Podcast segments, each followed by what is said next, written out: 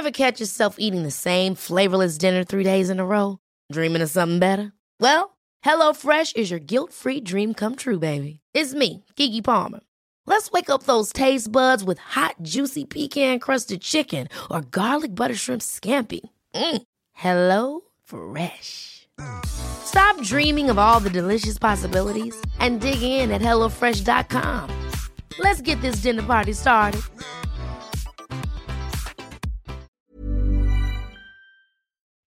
Hei, alle sammen, og hjertelig velkommen til en ny episode av Sporty mamma.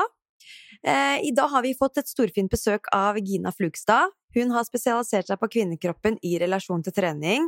Alt fra helt grunnleggende kvinnefysiologi til hvordan det påvirker trening. Gina hun brenner for å opplyse kvinner om den fantastiske kvinnekroppen vi har. Hun ønsker å bidra og hjelpe kvinner til å få en økt forståelse for egen kropp, slik at man da kan ta klokere valg relatert til egen helse, og med det da også oppnå de prestasjonene man ønsker innenfor trening. Så i denne episoden skal Gina gi oss en bedre forståelse for hvordan menstruasjonssyklus samt prevensjonsmiddel kan påvirke trening og prestasjon. Så ja, jeg er veldig spent på å høre hva slags forskning som finnes på dette feltet, og om det faktisk per nå er noen klare anbefalinger og retningslinjer man bør forholde seg til med tanke på menstruasjonssyklus, om man er opptatt av best mulig treningsrespons. Så ja, dette her blir veldig spennende, og dette her får vi også veldig snart svar på, så masse god lytt. Sporty mamma.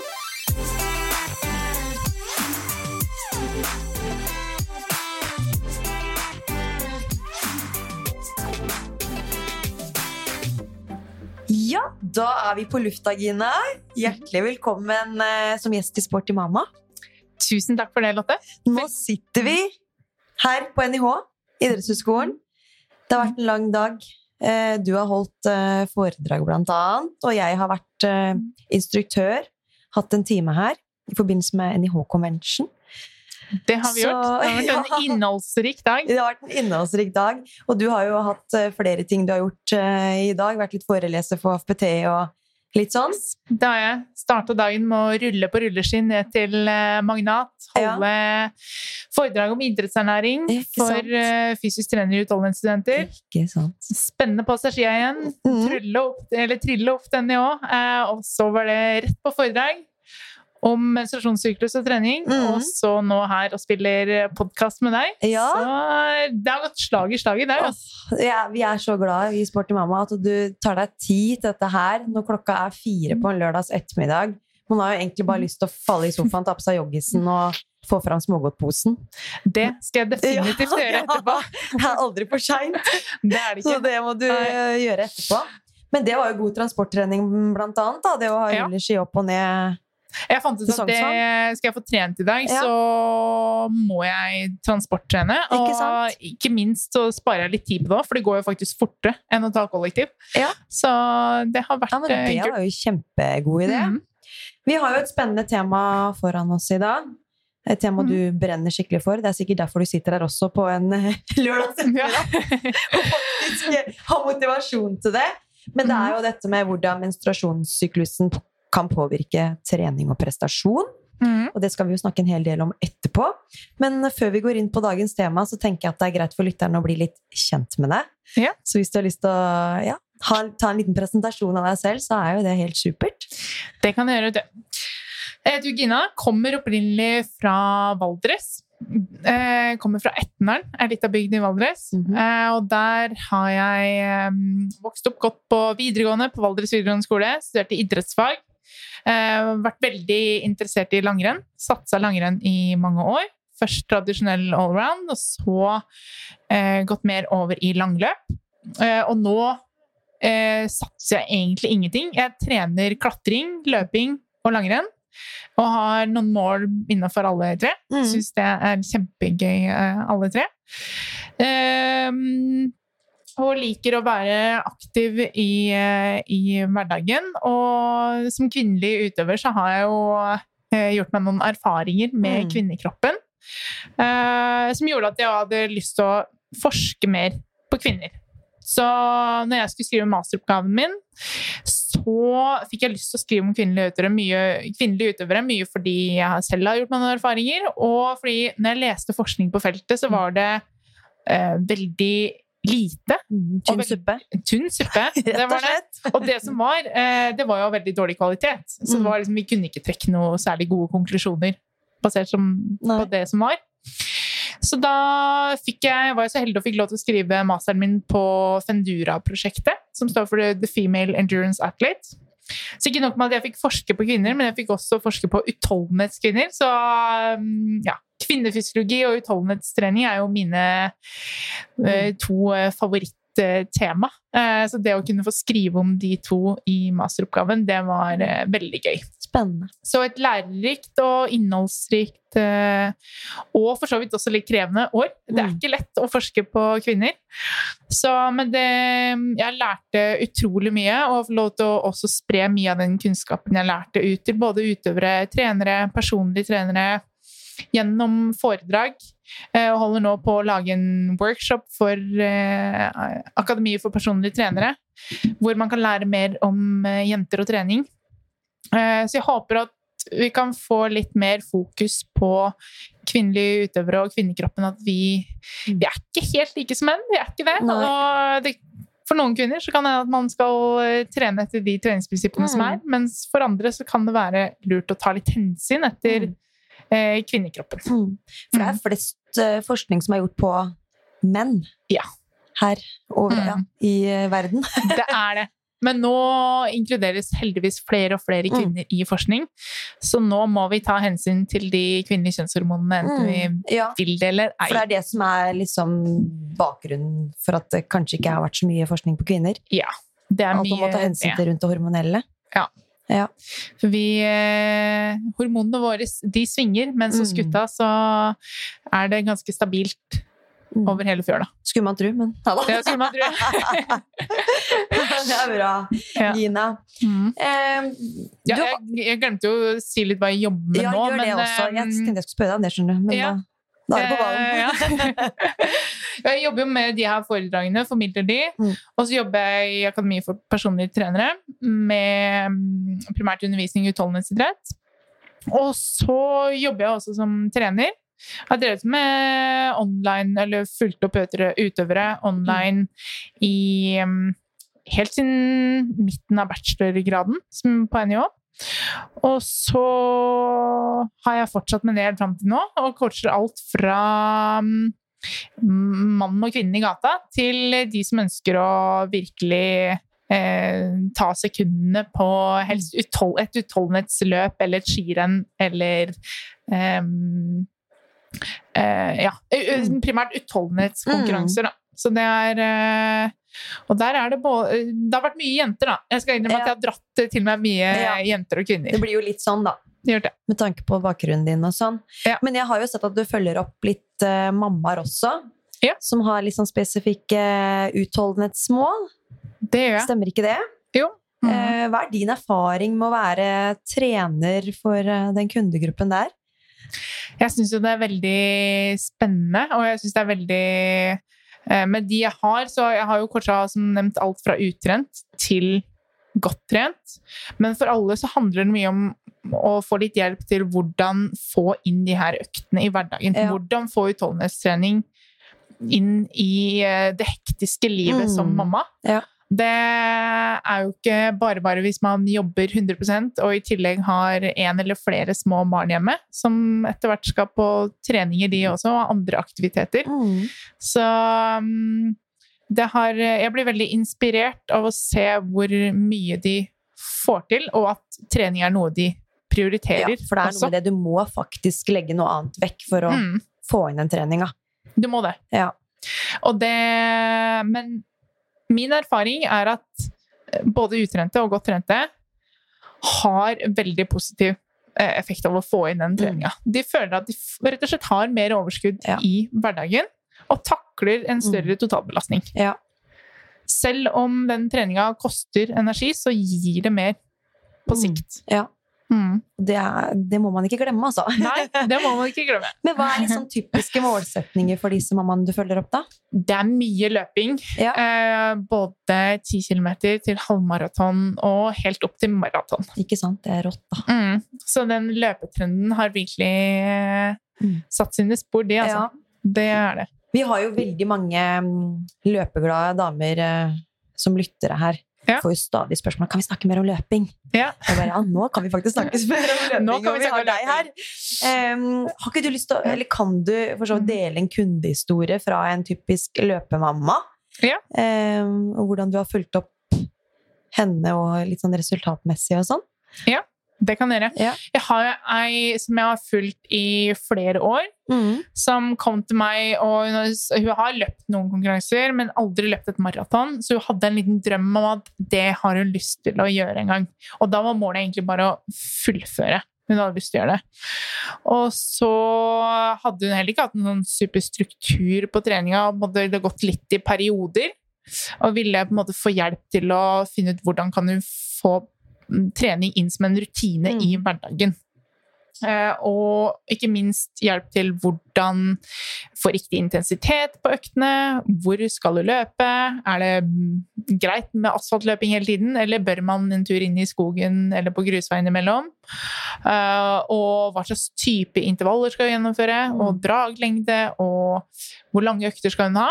Og passe på at eh, øktene går inn i totalen i hverdagen. For det er jo Ja. som du sier, at mødre har jo en større totalbelastning Ja. i hverdagen enn eksempel en Mm. student. Da. Ja, du kan liksom ikke se på hver og en økt for seg selv. Alt må ses sammen i et stort bilde. Med, Ja. Det er så mye annet utenom, som du sier, treninga. Det er det. Ta hensyn det. til. Jeg kan ikke si at jeg vet det, fordi jeg har jo ingen barn selv, men jeg ser det på mine Ja. kunder at de har mye, mye å ta hensyn til. Mm. Så, men ja. Så jeg hjalp henne litt med å sette opp eh, program mot et eh, maraton. Og da var målet som sagt bare å fullføre. Hun fullførte på um, eh, litt over fire timer. 4.20 eh, cirka. Og så, eh, rett etter målgang, så det Hun kjente vel på runners high og Mm. bare fikk mersmak. Det her vil jeg gjøre igjen, Ja. og jeg skal under fire timer. Ikke sant? Og det, det liker jo jeg å høre. Jeg blir jo bare Mm. superengasjert da, og får bli ekstra motivert til å hjelpe henne mot å nå det Mm. målet. Jeg hadde veldig troa på at det skulle gå. Uh, og på veien mot det her um, maratonet så la vi inn både noen 10 km-løp, gateløp og halvmaraton. Satte nye personer i rekorder der også. Og, og så ble det maraton. Hun kom seg under fire timer. Gjorde hun det? Så det var Det veldig rått, gøy. Og nå blir det maraton igjen på henne om ikke så altfor lenge. Ja, så vi får se hvordan det går da. Nei, hun gir seg ikke. Så det hun, uh, for, Jeg syns jo maraton er en superkul distanse å skulle løpe, og så kan du få en ny opplevelse hver gang. For det er jo, du kan jo løpe i så mange forskjellige byer, og det er en fin måte å få Mm. sett byer Ja. på, og ta det som en reise til en ny plass. Ja. Um, så det Ja. Jeg tror, det har, eh, jeg tror det er mange som har blitt litt bitt av den eh, Mm. basillen der. Og, Det er jo en høy totalbelastning da, å løpe kontinuerlig på den måten der over en så lang strekning. det er det. det kreves jo litt sånn gradvis opptrapping i treningsvolum på løpinga. Det gjør det. Hvor lang tid brukte hun liksom på å komme seg opp til det volumet Mm. som trengtes for å kunne gjennomføre et maraton? Nei, hun brukte ikke så veldig lang tid. Nå hadde jo hun, hun var ikke helt utrent Nei. når hun kom til meg, så hun hadde jo et visst grunnlag. Men uh, det er ikke sånn at vi har hatt uh, uker liksom, med 100 km løping, som man, mange tror at man må ha. Mm. At man må løpe 100 km i uka. Nei, nei, nei. Det må du ikke. Men uh, du, mine tanker er at du bør ha en langtur som er i hvert fall rundt 30 km, da, før Ja. du slenger deg med på et Mm. eh, maraton. Og så bør du ha hatt noen intervalløkter på moderat intensitet som varer over relativt lang tid. Ja. Opp mot eh, eller rundt en time. Mm. Uh, og ikke minst kjenne litt på det å løpe på den maratonfarten, eller den farten man har lyst til å løpe på på et maraton. Uh, kjenne litt på det på lengre økter også. Ja. Mm. Hun testa litt sånn halvmaraton-testløp først, eller? Vi hadde Nå husker jeg ikke akkurat hvordan det var før første løpet, men jeg mener hun løp eh, et halvmaraton før den første, før første maratonen også. Ja. Det er mange som bruker det som på en måte delmål Mm. på veien mot Riktig. et maraton. Ja. Mm. Det er spennende å høre. Man blir jo motivert og ja, litt sånn inspirert sjøl, da. Ja. Men jeg hadde aldri Den hofta mi Jeg jeg har litt hofteissues, så den hadde aldri tålt det, det volumet der, altså. Nei, det Det er jeg ganske sikker på. ehm, Det er ikke for alle, da, sånn Nei. sett. Det er ikke det. Men med dagens uh, sko, og er man god på å justere totalbelastningen, så um, har jeg veldig troa på at mange kan komme seg Ja. gjennom et um, maraton. Mm. Man, eh, det selvfølgelig det krever at man er dedikert til et treningsprogram over tid, Ja. um, men eh, det er ikke sånn at man må løpe masse. Man må ikke ha 100 km i uka. Nei, For det er ganske høy mengde, ja. Det er høy mengde. Men det å ha noen langturer og få gjennomført noen intervaller og kontinuitet over en viss periode, så um, blir man klar for det. Ikke sant? Ja. Nei, det Har du eh, løpt noe maraton, eller? Jeg har ikke løpt maraton. Det Nei. lengste løpet jeg har løpt, er eh, 21 km i terrenget. Ja, Eh, det er jo relativt hardt, det, da. Ja, det var ganske hardt. Det var I eh, terreng og greier. Ja, og mye høydemeter. Oh, Så det mm. tok sin tid, men jeg har faktisk meldt meg på eh, 56 km langt løp i Sverige. Om ja, skal vi se, ja, det er under en måned til. Og, Det nærmer seg. Shit, altså! Så jeg begynner å ja, jeg begynner å kjenne- litt nervene der. Altså. Det, jeg har aldri løpt så langt før. Jeg har gått så langt på ski. skirenn. Jeg har gått ni mil på, på ski, men aldri løpt så langt. Og det er jo en helt annen belastning på muskulaturen og sener og ja, hele Mm. kroppen, det å løpe kontra det å gå på ski. Men er det helt um, Er det kupert terreng der, eller er det flatt? Det er ganske mye flatt, men det er kupert. Altså. Det er eh, 1300 høydemeter fordelt på, Ja. På 56 km. Ja, det er jo litt det. Mm. Man merker jo det, i hvert fall på en så, sånn distanse som det. Ja. Helt vilt. Du er gæren i huet, kan jeg bare si. Ja, nei, det, jeg, jeg, har fått, jeg er jo så seig av meg. Altså, jeg må liksom ha en lengde Ja. på de her konkurransene. Skal jeg mm, føle at jeg får ut mitt potensial. Og liksom litt sånn ekstra mentalt krevende, og du liker liksom å jobbe litt ekstra med deg selv mentalt sett òg. Jeg gjør det. Ja. Så, men jeg har lyst til å løpe noen 10 km og halvmaraton og maraton flatt mm. en eller annen gang. Ja. Men ehm, eh, ja, kanskje det blir når jeg blir mamma. At det blir litt Ja. sånn der, For da Mm. er det ikke sikkert jeg får tid til å rangle så mye i fjella uh, som jeg gjør nå. Mm. Men kanskje må ha litt mer sånn korte, intensive, flate økter. Mm. Um, som passer i hvert fall veldig bra mot 10 km og halvmaraton. Mm. Spennende. Eh, vi må komme oss litt inn på dagens tema, tenker Ja. jeg. da. Og vi skal jo snakke om dette med ja, menstruasjonssyklus og hvordan det påvirker trening og prestasjon. For du har Mm. jo skrevet en mastergrad. Eh, er ferdig med masteren din, eller? Ja, ja da. Den. Var ferdig Ja.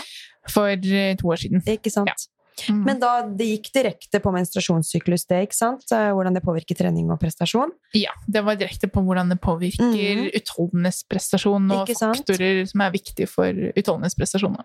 Men kan du fortelle oss litt mer detaljert om den mastergraden din, og gjerne dele litt av de funnene som ble gjort, eller? Ja, jeg skulle gjerne delt funn Ja. nå, men jeg har ikke lov til ikke lov å det ennå. Nei, ikke Men nå nå er det ikke lenge. Men nå er det ikke lenge før, altså. Det er, eh, de publiseres snart, de dataene. Spennende. Um, så det blir veldig spennende, ja. Men eh, det kan, jeg kan jo fortelle litt om Ja, hvordan vi gjorde det. det her. Mm, For det er jo eh, nettopp sånn at denne den menstruasjonssyklusen den varer jo stort sett mellom 21 til 35 dager. Og den starter på første blødningsdag, og så slutter den eh, når du på neste blødning igjen. Eh, Og for de aller fleste så er en syklus mellom 21 til 35 dager. Og så i løpet av denne perioden så svinger konsentrasjonen av østrogen og progesteron. Mm. Som vi var litt inne på at det er det som gjør det litt vanskeligere å forske på kvinner. Ja. Eh, og da tok vi da og testa kvinnelige utøvere under menstruasjon, når konsentrasjonen av østrogen og progesteron er lav.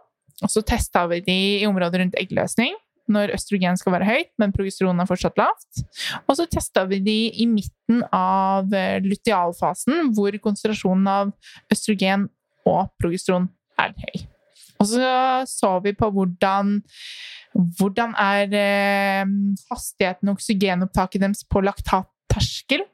Og hvordan er eh, deres maksimale oksygenopptak? Varierer gjennom syklusen? Så nærmere på arbeidsøkonomien deres. Og så, siden vi testa langrennsløpere, så hadde vi også en staketest, en anarob staketest på, på skierg. Akkurat. Mm. Ja. Så det her eh, kommer det mer eh, resultater på ganske Mm. snart. Ja. Mm. Så, så dere noe på litt sånn det mentale rundt det hele? For man kan jo føle seg i en viss form rundt menstruasjon. Eller ja, Ja. i når man har menstruasjon, da. Ja, vi så eh, Vi målte bare opplevd anstrengelse, som den Borg-skala, Mm. som er en skala fra Mm. 6 til 20. Eh, hvor 6 er lett aktivitet, men 20 er maksimalt anstrengende. Mm. Så det var egentlig kun det eneste eh, objektive eh, Eller subjektive målet på, Ja. som vi målte. Vi hadde ett skjema som spurte litt om humør eh, og, og ja, mental tilstand. Mm, så det er mulig at det eh, kommer i en, eh, en studie seinere. Ja. Eh, men der er det også gjort en, en Det er publisert litt eh, artikler på, da, Mm. på hvordan kvinner opplever at deres mentale til- tilstand er i løpet av syklusen. Ikke sant? Så det, det er noe vi kunne mm, snakke litt om, for det er jo mange Mm. som opplever at nettopp den her menstruasjonsfasen hvor de blør, at man er litt mer sånn sårbar, Ja. og kanskje ikke føler seg like sterk. Og det samme i perioden rett før menstruasjon. PMS-fasen, som også Mm. det er kjent som. Ja. Så er det mange som kjenner på litt symptomer som kan påvirke eh, prestasjonsevnen. Både når det gjelder styrke og utholdenhet. Og også deres mentale evne, hvor klar de er til å konkurrere og prestere. Mm. Eh, og det har også vist å påvirke at mange føler at restitusjon er noe redusert i de her eh, mm, fasene. Mm. Så, Ja, det er spennende, altså. Mm. Men kan du si noe mer om det, da? Om det er sånn at man liksom Er det en eller annen del av den menstruasjonssyklusen man Mm. kanskje kan eh, Er vist noe funn at man er liksom mer robust og Mm. har litt mer trøkk i kroppen? Ja. det er altså eh, Det er jo en oversiktsartikkel som har samla masse enkeltstudier. Som har testa kvinner i ulike faser av syklusen. Ja. Og sett hvordan er det, eller varierer prestasjonsevnen i løpet av de ulike fasene i syklusen. Og da eh, har eh, den oppsummeringsartikkelen konkludert med at det kan hende at kvinner presterer noe dårligere under menstruasjon, men at det er ganske likt resten av syklusen. Men den konkluderer òg med at uh, mye av den forskningen som er gjort, er av dårlig kvalitet, så vi kan egentlig ikke ja, Vi vet ikke så mye om kvinners prestasjonsevne, om den faktisk varierer gjennom syklusen. Mm. Men vi vet at veldig mange kvinner opplever at det er som du sier, at man føler seg sterk i midten av syklusen. Mm. At du føler at du har litt bedre yteevne, øh, yteevne da. Ja, ikke sant? Mm. Men øh, ja, så liksom Hvis vi skal liksom er, Det er kanskje ikke noen retningslinjer da, og noen anbefalinger på hvordan man bør på en måte trene i menstruasjonssyklusen. Det er liksom ikke så lett å Det er ganske individuelt, regner jeg med. Ja. Først og fremst. Det er nok det. Men forskningen også virker jo å være litt sånn tynn på det feltet per nå, da. Ja. Er, du har helt rett i det. Ja. Men uh, litt, mine tanker er jo at uh, jeg tror noen kvinner kan ha litt å hente av å trene etter syklusen. Mm. Både for å få bedre respons på treninga, men ikke minst også for å trives bedre med den treninga de gjør. Og da tror jeg det, hvis man skal trene etter syklusen, så tenker jeg det er lurt å ta litt hensyn til hva i menstruasjonssyklusen din er det som påvirker treningskvaliteten, og hva er det som påvirker restitusjonen. Eksempel hvis du opplever at søvn varierer Mm. gjennom syklusen din, så ville jeg kanskje ikke lagt eh, de hardeste treningsperiodene til den perioden i syklus hvor du opplever dårlig søvn. For det kan jo være med på at du restituerer dårligere, og at du Mm. får dårligere utbytte av den treninga du har lagt ned. Men heller legge treninga til den perioden hvor du sover godt, og Mm. føler at du Ja. eh, har litt ekstra å gunne på med. Mm.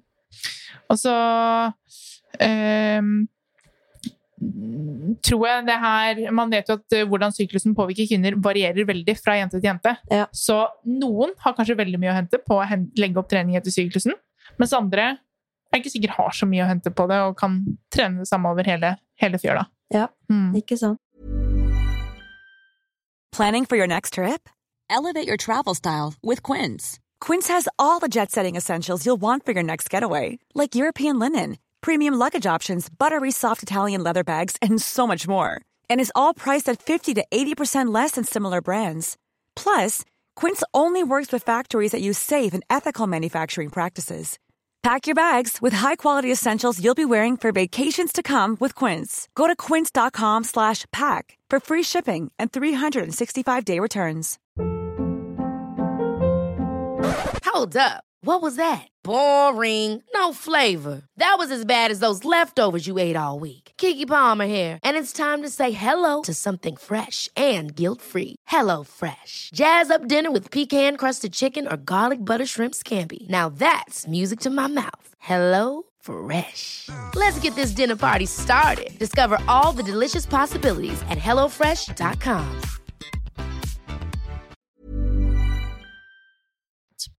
Jeg har jo fulgt deg på Instagram en eh, stund. Du har jo lagt ut litt informasjon om dette her eh, med menstruasjonssyklus og trening og prestasjon, og, og så så jeg at du har jo tracka din egen menstruasjonssyklus òg, Det har jeg gjort, vet for å kartlegge litt om, Ja. om du kan ha dra, dra noe nytte da, av, Mm. av det å virkelig kartlegge og legge opp treninga di litt ut fra det. Mm. Har du lyst til å dele litt av det du har funnet funnet ut sjøl, eller? Ja. Jo, det er jo Jeg har jo um, eh, lagt merke til at eh, eh, for det første så under menstruasjon og i dagene før menstruasjon, så er det litt det, Du føler deg ikke superfresh. Altså, eller jeg føler meg ikke superfresh. Eh, og jeg kjenner Og jeg ser det faktisk også på objektive mål, sånn som Ja. hvilepulsen. Ja. Den øker i lutealfasen. Sånn fra midten av lutealfasen og fram til ny menstruasjon igjen, så er den litt høyere. Og det er en gjenganger fra syklus til syklus. Og så når menstruasjonen kommer, så dropper hvilepulsen. Mm. Og det her har de faktisk nå nylig sett i en studie fra Fendura også, at uh, hvilepulsen kan være litt høyere i, i lutealfasen. Luteal, det er bare for å, sånn faglig begrep, bare Ja. så alle er med oss her nå. Det er rett før menstruasjon, i perioden før menstruasjon igjen. Ikke sant? Og jeg kjenner også at jeg sover litt dårligere i denne perioden. Mer varm i kroppen, og det skyldes jo at kroppstemperaturen til kvinner øker også Ja. litt i denne perioden. Eh, så jeg tror kanskje det at jeg er mer varm må påvirker søvnkvaliteten. Så jeg prøver å lufte godt med vinduer og være litt ekstra obs på at søvn kan være litt dårligere her. Da. At jeg eh, prøver å roe litt ned mer på treninga hvis jeg kjenner at jeg har behov for det. Hvis jeg er mer sliten. Og, og prøver også å legge til rette for at jeg skal sove litt bedre. Legge meg klokka ti, og Mm. ikke noe særlig seint. Sånn som alle mammaer gjør. Sånn som, ja? For å sørge for at man får nok timer med søvn. ja. Ja. Så det, men jeg har ikke dedikert lagt opp treninga mi etter syklusen. Det har jeg ikke gjort, men jeg tar noen hensyn etter hvor jeg er i syklus. Og liker å, sånn kort fortalt liker jeg å ha litt det er helt greit å ha gassen i bånn i follikkelfasen, altså i Mm. starten av syklusen. Mm. Og så har jeg litt bremsen på i lutealfasen når jeg kjenner at restitusjon kan være litt dårligere. Mm. Så justerer jeg litt ut fra det. Men når du har gjort den Hvordan har det gått fram når du har gjort den, eh, den kartlegginga der, da? Da har jeg notert den selvfølgelig når jeg har um, når jeg blør. Jeg har Mhm. hver dag notert hvilepuls og Ja. opplevd søvnkvalitet. Og så har jeg også tracka med, med Garmin, så jeg sover med klokka mi eh, for å se hvor lenge jeg sover. Så jeg har også fått et mål på hvor lenge, lenge jeg sover. Mm. Og så har jeg notert symptomer eh, tilknyttet menstruasjonssyklusen. Magevondt, eh, ømme bryster, eh, temperatur. Også vært litt inne på humør. Eh, og så har jeg eh, tatt noen eggløsningstester for å finne ut når i syklusen min er det jeg har eggløsning. Ja. Og det er jo gjerne sånne tester man tar når man ønsker å bli gravid. ja. Men det kan også brukes til å Mm. bli bedre kjent med egen syklus og kropp. Mm. Og det, Mm. den kartleggingen må du da naturligvis bruke litt tid på. Det er ikke Ja. sånn du kan bare Du får ikke svar på den kartleggingen på, vel, på Mm. bare 1, 2, 3. Nei. Man bør gjerne kartlegge tre sykluser, minst. For å se er det et mønster her i Ja. hvordan når de symptomene inntreffer, når man eventuelt sover dårligere, når Mm. man eventuelt føler seg bedre og har mer å yte på trening. Mm. Så jeg tenker jo for min del så var det viktig å se litt på når er det jeg eventuelt bør justere treninga mi, da. Og det tenker jeg er hvis restitusjonen er dårligere, eller hvis det er noe som påvirker treningskvaliteten. Eller, og da, eh, da har jeg jo merka at jeg har litt mer å gi på med tidlig i syklus og føler meg Ja. sterkere. Og mm, så litt mer sånn i ubalanse Mm. i perioden rett før menstruasjon. Men er det Ville du tipsa liksom alle kvinner å kartlegge, eller Mm. tenker du at det er mer for de som kjenner veldig på, på den perioden man har menstruasjon, at det er flere uromomenter i kroppen, Mm. jeg på å si, at man føler at man absolutt ikke er i vater, da. Jeg tenker jo at man må ha en eh, egen interesse og nysgjerrighet i det her. Eh, fordi det er ikke sikkert det nødvendigvis er positivt å bli mer oppmerksom på alle symptomer i kroppen og Nei. egen kropp. Men eh, jeg tenker at alle som har eh, som ikke går på hormonell prevensjon, så er det greit å ha litt oversikt over sykluslengden din. At du har en regelmessig menstruasjon. Mm, og så eh, utover det så tenker jeg at det er litt opp til hver enkelt å finne ut av hvor, hvor, eh, hvor mye vil jeg dypdykke inn i det her. Da. Mm. Jeg merker jo selv at jeg har blitt mer bevisst på enkelte ting med egen kropp, som kanskje ikke alltid er positivt. Nei, for det var også et Mm. spørsmål om det kanskje kan være litt uheldig å ha for mye Ja. fokus på menstruasjonssyklus retta mot trening, og at det Det kan, ja. For noen så kan det kanskje være det, men jeg tenker også at for min del, hvis jeg for eksempel skal konkurrere i en fasesyklus hvor mm. kroppen ikke er tipp topp, så det å være bevisst på det, for min del så tenker jeg at det er positivt. For da kan jeg i forkant teste ut litt strategier for hvordan skal jeg håndtere Mm. hvis konkurranse havner på en dårlig dag i syklus. Så litt mer for idrettskvinnen. Ja.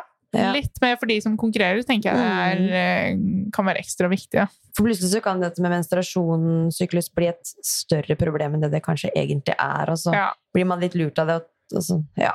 Det det. Så legger man opp treninga deretter, da, og så åh, i dag skal jeg føle meg dårlig, så da vet jeg at det blir en dårlig Mm. treningsøkt, for det er jo Mm. sånn, sånn jeg har tracka det. ja, det er fort gjort å tenke sånn, og Ja. det tenker jeg at man må, man må eh, klare å se litt eh, objektivt på de dataene man, samler inn da, fra Mm. eventuelt å ha tracka.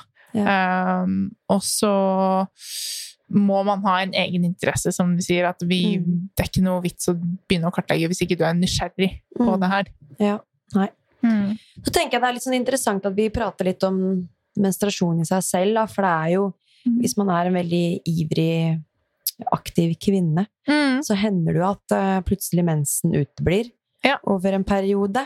Mm. Eh, og jeg tenker at det er fint å gjøre lytterne litt sånn Få litt innsikt, eh, og, er, og er viktig å være opplyst i eh, Kall det ulempene, da, og faren ved at mensen uteblir over en lengre periode. Mm. Kan du kommentere noe på det? Ja. ja, det er jo litt av grunnen til at jeg sier at man bør hele tiden ha en oversikt over at man, man har menstruasjon regelmessig. Og det her gjelder kvinner som ikke går på hormonell prevensjon. At det at du har eh, jevnlig menstruasjon, er jo et tegn på at kroppen er i balanse. Ting fungerer som det skal.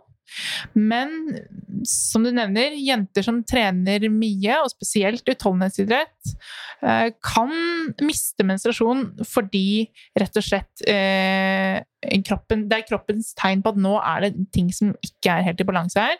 Og som oftest så er det det at energitilgjengeligheten er lav. Mm. Og det er gjerne det at man har spist for lite i forbindelse med trening over tid. Og da sier kroppen ifra, for da går den litt sånn i sparemodus. Kutter den ut funksjoner som den egentlig ikke trenger. Og vi trenger jo ikke denne menstruasjonssyklusen med mindre man skal bli gravid. Mm. Så da kutter den ut den. Og hvis menstruasjonen er borte i tre måneder eller mer, da bør man ta det tegnet på, på alvor, da. Eh, Og i hvert fall hvis man har hatt den regelmessig tidligere, og så plutselig forsvinner den i tre måneder, da er det grunn til å ta og sjekke det opp. Ja. Mm. Og det kan være en naturlig årsak til det, men for aktive kvinner som trener mye, så er det som regel det at man ikke har vært flink nok på å spise i Mm. forbindelse med økter. Fordi man, Mm. det er jo Jeg har jo hørt at flere liksom har gått til legen og ja, fortalt at man har mista menstruasjon og litt Mhm. sånn forskjellig. Og så er liksom anbefalingen at ta det med ro, ikke tren. Ja. Eh, bare ligg og hvil. Ja. Og så kommer det tilbake, på en måte. Mm. Men det er jo ikke alltid Det å si det til en aktiv eh, kvinne som elsker å trene, Mm. det er jo skikkelig ille. ja, jeg tenker ikke at det er Så- løsningen. Nei. Nei. Jeg mista jo menstruasjon selv på, på videregående. Og ja, det var jo en kombinasjon med at der økte treningsmengden, i tillegg til at det var ganske lange dager. Mm. Jeg eh, sto opp tidlig om morgenen, tok bussen til skolen i en time. Så var det treningsøkter der, eh, lang dag med skole, kom hjem på ettermiddagen i 4.50, så var det ny treningsøkt, og så er det å spise litt, og så er det å Mm. gjøre lekser, og så legge seg. Og så gikk dagene. Så totalbelastningen der, både det fysiske og mentale, ble litt så stort stress på kroppen. Ja. Så da sa kroppen ifra, da. Kutta ut mensen. Eh, og den var litt sånn sporadisk, kom litt sånn her og der. Men fastlegen min sa at så lenge du har den i perioder, Mm. så er det greit. Ja. Men egentlig så var det ikke greit så lenge som den var borte, for min del. Jeg burde tatt det tegnet Mm. med en gang da, men jeg visste egentlig ikke bedre. Nei. Før jeg begynte på NJÅ, så skjønte jeg etter hvert at det å eh, det at menstruasjonen er borte, det er et tegn på at ting ikke er helt som det skal være. Ja. Jeg begynte å være mer sjuk en periode, og kroppen fungerte ikke helt bra. Så da tok jeg tak og bestemte meg for ok, nå skal jeg virkelig jobbe for å få tilbake denne her mensen. Ja. Eh, og da var det ikke sånn at jeg kutta ut trening. Jeg justerte ned treninga litt, Mm. og så hadde jeg mer fokus på å få i meg nok mat. Ja. Og da spesielt eh, mat i forbindelse med treningsøkter. For det er jo gjerne når vi, vi jenter som trener mye utholdenhet, når vi trener utholdenhetstrening, så Mm. forbruker vi også veldig mye energi. Og hvis man ikke spiser i forbindelse med de øktene, så øker man risikoen for å få lav energitilgjengelighet. Ja. Mm. Så opp, skru opp inntaket. Skru opp er, inntaket. Kanskje Spis, eh, spis en sjokkis og spis litt Mm, smågodt. absolutt. Og, ja. Men eh, vi skal jo snakke litt om dette med mm, hormonell prevensjonsmiddel òg. Knytta mot trening ja. eh, og prestasjon. For det er jo sikkert noen mamas der ute som kanskje ja, går på p-piller, da, eller andre ting. Mm. Det kan være litt nytt å høre om det, om det kan påvirke treninga positivt eller negativt, eller om det har noen påvirkning i det hele tatt. Det er jo sånn, det er veldig mange som går på hormonell prevensjon, Ja. som du sier. Uh, det er jo um, I hvert fall blant de studiene som er gjort her i Norge, som Fundura har publisert, så er det flertallet av utholdenhetsutøvere går på hormonell prevensjon. Nå er jeg litt usikker på fordelingen prevensjon vanlig syklus i, i samfunnet, men jeg vil tro at det er litt sånn 50-50 der også. Mm. Eller en del som går på hormonell prevensjon. Og det er jo mange ulike typer prevensjonsmiddel. Vi skiller jo gjerne mellom eh, gestagenpreparat, hvor vi har spiral, eh, minipiller og p-stav. Og da har du egentlig din egen syklus gående i bakgrunnen. Og det påvirker ikke så mye din eh, Hormonene svinger også her. eh, gjennom, eh, og du har en menstruasjonssyklus, men eh, du ser det i, Det er ikke alltid du ser det, for et typisk bivirkning av det her preparatet er jo at du mister menstruasjon. Og for mange kan det egentlig være ganske digg, for det er jo den blødningsperioden som er irriterende for Ja, det er kjipt. Ja, det er kjipt. Rett og slett. Det er, det er jo ikke gøy å, å, å skulle blø eh, fra skjeden når man skal trene, og Nei. spesielt ikke når man Styr. Ja. skal ut og reise og konkurrere også, så er det bare ja, Mm. dritt. Eh, men eh, det er noe sånn det er. Mm. Så, men det er jo fint med det preparatet, at der kan eh, menstruasjon eh, forsvinne. Eh, og så har man jo kombinasjonspreparat, som er p-piller, p-plaster og p-ring, som påvirker kroppen på en litt annen måte enn gestagenpreparatet. Da kutter den ut din egen menstruasjonssyklus, så da produserer ikke kroppen noe særlig kjønnshormoner lenger. Nå får du tilført kjønnshormoner gjennom preparatet du tar. Så da har du ikke den, de svingningene i østrogen, østrogen og progesteron gjennom menstruasjonssyklusen, men du får eh, i deg østrogen og progesteron med en stabil konsentrasjon hver dag du tar preparatet. Ja.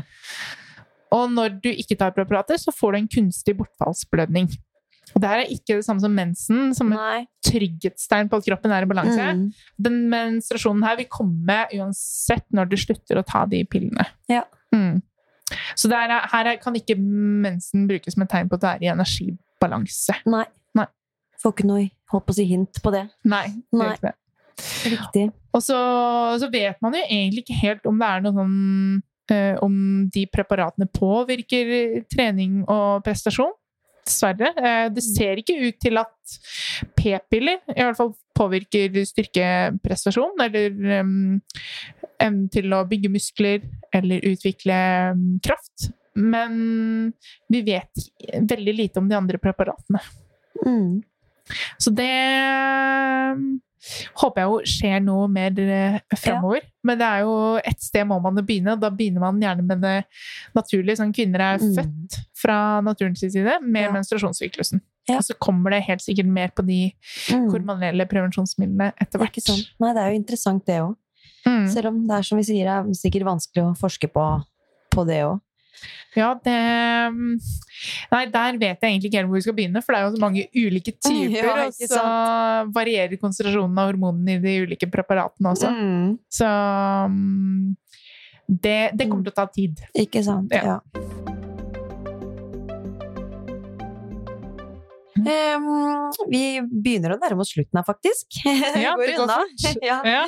Um, jeg lurte jo liksom på om du også kunne dele noen tips da, til hvordan man skal få inn trening i eh, en hverdag som mamma. Jeg vet liksom sånn, Du har jo så Mm. erfaring med det, med Mm. å programmere til mammaer som spesielt har retta mål mot utholdenheten. Mm. Og sikkert gjort deg opp en del erfaringer som coach også. Yeah. For um, ja, hvordan få inn denne treningen i en hektisk hverdag, da. Nei, det handler jo mye om eh, planlegging. Jeg skal innrømme det. Ja. Det å ha litt struktur på ting. Uh, også i- oppleve det at mange av de kvinnene jeg har coacha, de syns det har vært lettere å få inn treningsvekter i, hverdagen når de har en plan som jeg gir dem, som de følger. Da vet de hva de skal gjøre, og slipper å tenke, finne opp kruttet ja, på nytt. Ja. Uh, og så handler det om å se når er det de kan få de her øktene inn i planen. Um, eller inn i den hektiske hverdagen deres, mener jeg. Og det kan jo være når unger er på trening, så kan de trene selv. Det kan være transporttrening, det bruker jeg på mange som eh, har passe avstand til jobb. Så er det ypperlig å få inn i en hektisk hverdag. Går også gjerne fortere enn kollektivtrafikken innimellom. Mm. så det er em, em, to, to muligheter å få det inn på. Og så har man yngre barn, så er det jo og småbarn som ikke kan være aleine, så er det jo å ta dem med på trening. Ta dem med ut i en park, gå en tur, og så kanskje gjøre noen styrkeøvelser, eller eh, finne en park hvor du kan leke litt og gjøre noen økter. Eller gjøre noen øvelser, mener jeg. Eh, også med de som har nettopp har født og vil komme i gang med treningen, så er det jo mye trening med vogn. Det har du jo snakka litt med Melina om. Mm. Uh, og det å da begynne med motbakke, sånn at det er litt mer skånsomt, eh, har, eh, kan være en veldig fin måte å komme i gang med utholdenhetstreningen for nybakte. Ja, Mødre. Og så er det å ta med Jeg er jo veldig for å ta med ungene på, på trening, da, og få de jo glad i å være Mm. aktive. Ja. Så om man ikke alltid får um, gjennomført kanskje den intervallen de har satt opp, eller den langturen som er på programmet, fordi man rett og slett har ungene som man må passe på, så ta de med ut, da. Ta dem med ut og gå en tur, eller stikke på en Mm. fjelltur. Ta dem ut på ski. Eh, Og gjør, vær aktive sammen med de. Mm.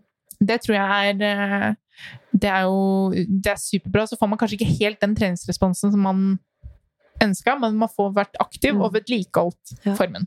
For det er jo litt sånn når man får oppfølging da, av en trener, så vil man jo gjerne få, Da får man jo et spesifikt opplegg, så vil man jo for alt det er verdt klare å følge det slavisk. Ja. Eh, opplever du liksom med kundene dine at det ofte er litt sånn at man må sånn, sånn ja, at ukene går veldig sjelden som planlagt. Det er, mye, det er mye justeringer, ja. Ja. Plutselig så er det noen unger som er blitt syke, Mm. og så må pappaen ut og reise, og så må man Ja. passe på de, og så Ja. Så er, man må hele tiden gjøre noen justeringer, Mm. men da hjelper det jo om å gjøre justeringer og finne ut hva, hva i treningsprogrammet er det man må Mm. prioritere. Ja. Eh, For det, jeg har jo gjerne noen tanker om hva som er de viktigste øktene i løpet av en uke, Ja. Og hva man minimum bør prioritere da, for Mm. å vedlikeholde formen og kanskje fortsette å utvikle seg også. ja. Mm. Nei, for det er ikke så lett det der når man gjerne ønsker å nå et mål, og så setter de ungene litt sånn kjepper i hjula Ja. for deg, da. Underveis. Ja, nei, det mm, er eh, Man må prøve å gjøre det beste ut av det. Mm. I, du vet noe nok mer om hvordan det er å skulle justere treningsmål og hverdagen eh, eh, nå som du har egen unge selv.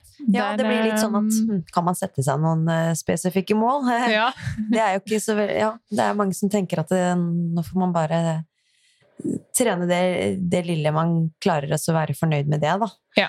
Eh, og så Ja. Vil det jo være lettere å kanskje få til noe litt mer spesifikk mål eh, sånn etter hvert, da. Ja. Hvor ungene er litt større og sånn. Det tror jeg jeg merker jo det at på de jeg følger opp, så er det lettere å få, få gjennomført planen når ungene blir litt større, Mm. når de kan klare seg Ja. eh, selv. Men det betyr ikke at man kan nå mål man setter seg med yngre barn. Mm. Det gjør det ikke. Nei. Men man må, um, man må kanskje også ha en litt fleksibel pappa som kan Ja, hjelpe til det det. Og så at man planlegger litt hverdagen sammen, Mm. sånn at eh, begge får tid til å trene. Mm. Det håper jeg i hvert fall eh, jeg blir god på når ja. vi en gang får eh, barn. For jeg Mm. kommer til å bli gretten hvis ikke jeg får trent. Det skal jeg love deg. Ja. Det er det flere som gjør. Det er liksom, ja, nei, åh, den treninga er så viktig Den er det. for å bare opprettholde godt humør og i det hele tatt, da. Ja. Nei, men det er Gjerne. bra, Gina. Jeg tenker at vi avslutter her nå, jeg. Ja. Siden det er så ja, på tampen på lørdag og i det hele tatt. Mm. Du, vi har fått fram masse, masse fint her nå, og Mm. nyttig informasjon eh, til uh, lytterne. Så det åh, ja, tusen hjertelig takk for at uh, vi fikk uh, Ja, at du dro oss med på en sånn interessant prat. Og så får vi håpe at det kommer mer forskning på det feltet her eh, ja, fremover, da, så man har Mm. litt mer konkret å gå etter, kanskje. Vet ikke. Ja, det håper jeg òg. Tusen takk for at jeg fikk lov til å gjeste Sporty mamma-podkast. Bare hyggelig. Mm. Eh, litt sånn, hvis vi kan bare ta en, dra lytterne gjennom en rask oppsummering, da. Ja. Fra det vi har snakka om eh, på ditt eh, spesialfelt. Da vil jeg si det at eh, hvis du er nysgjerrig på å bli bedre kjent med din egen kropp, så anbefaler jeg deg å kartlegge syklusen din, eller prevensjonsmidlene du går på. Og så er du nysgjerrig på om du kan få økt utbytte av treninga ved å legge til rette eh, legge opp trening etter syklus, så bør du ta hensyn etter restitusjonsfaktorer og eh, faktorer som påvirker treningskvaliteten din. Mm. Og så tenker jeg at da legger du opp etter det hvis du tror du kan få bedre utbytte av å gjøre det. Og hvis ikke, som du snakket om, hvis ikke du vil på å si dypdykke inni der, Mm. så gjør du det ikke heller. Nei. Da lar det være. Lar det være. Og Ja. later som at mensen ikke eksisterer. Ja. Ja. Man kan prøve å late som, men det er ikke bare bare det. Og så altså. kommer det også Oi, shit! Ja, det er men det er bra, Gina. Tusen Mm. hjertelig takk. Og så høres vi jo neste onsdag, kjære lytter. Ha en fin uke. Sporty mamma.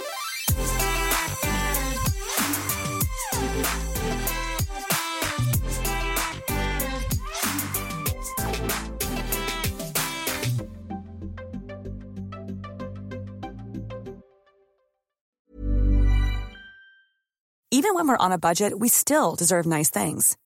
Quince is a place to scoop up stunning high-end goods for 50 to 80% less than similar brands. They have buttery soft cashmere sweaters starting at $50, luxurious Italian leather bags, and so much more. Plus, Quince only works with factories that use safe, ethical, and responsible manufacturing. Get the high-end goods you'll love without the high price tag with Quince. Go to quince.com slash style for free shipping and 365-day returns. Hold up. What was that? Boring. No flavor. That was as bad as those leftovers you ate all week. Kiki Palmer here, and it's time to say hello to something fresh and guilt-free. Hello Fresh. Jazz up dinner with pecan-crusted chicken or garlic butter shrimp scampi. Now that's music to my mouth. Hello Fresh. Let's get this dinner party started. Discover all the delicious possibilities at hellofresh.com.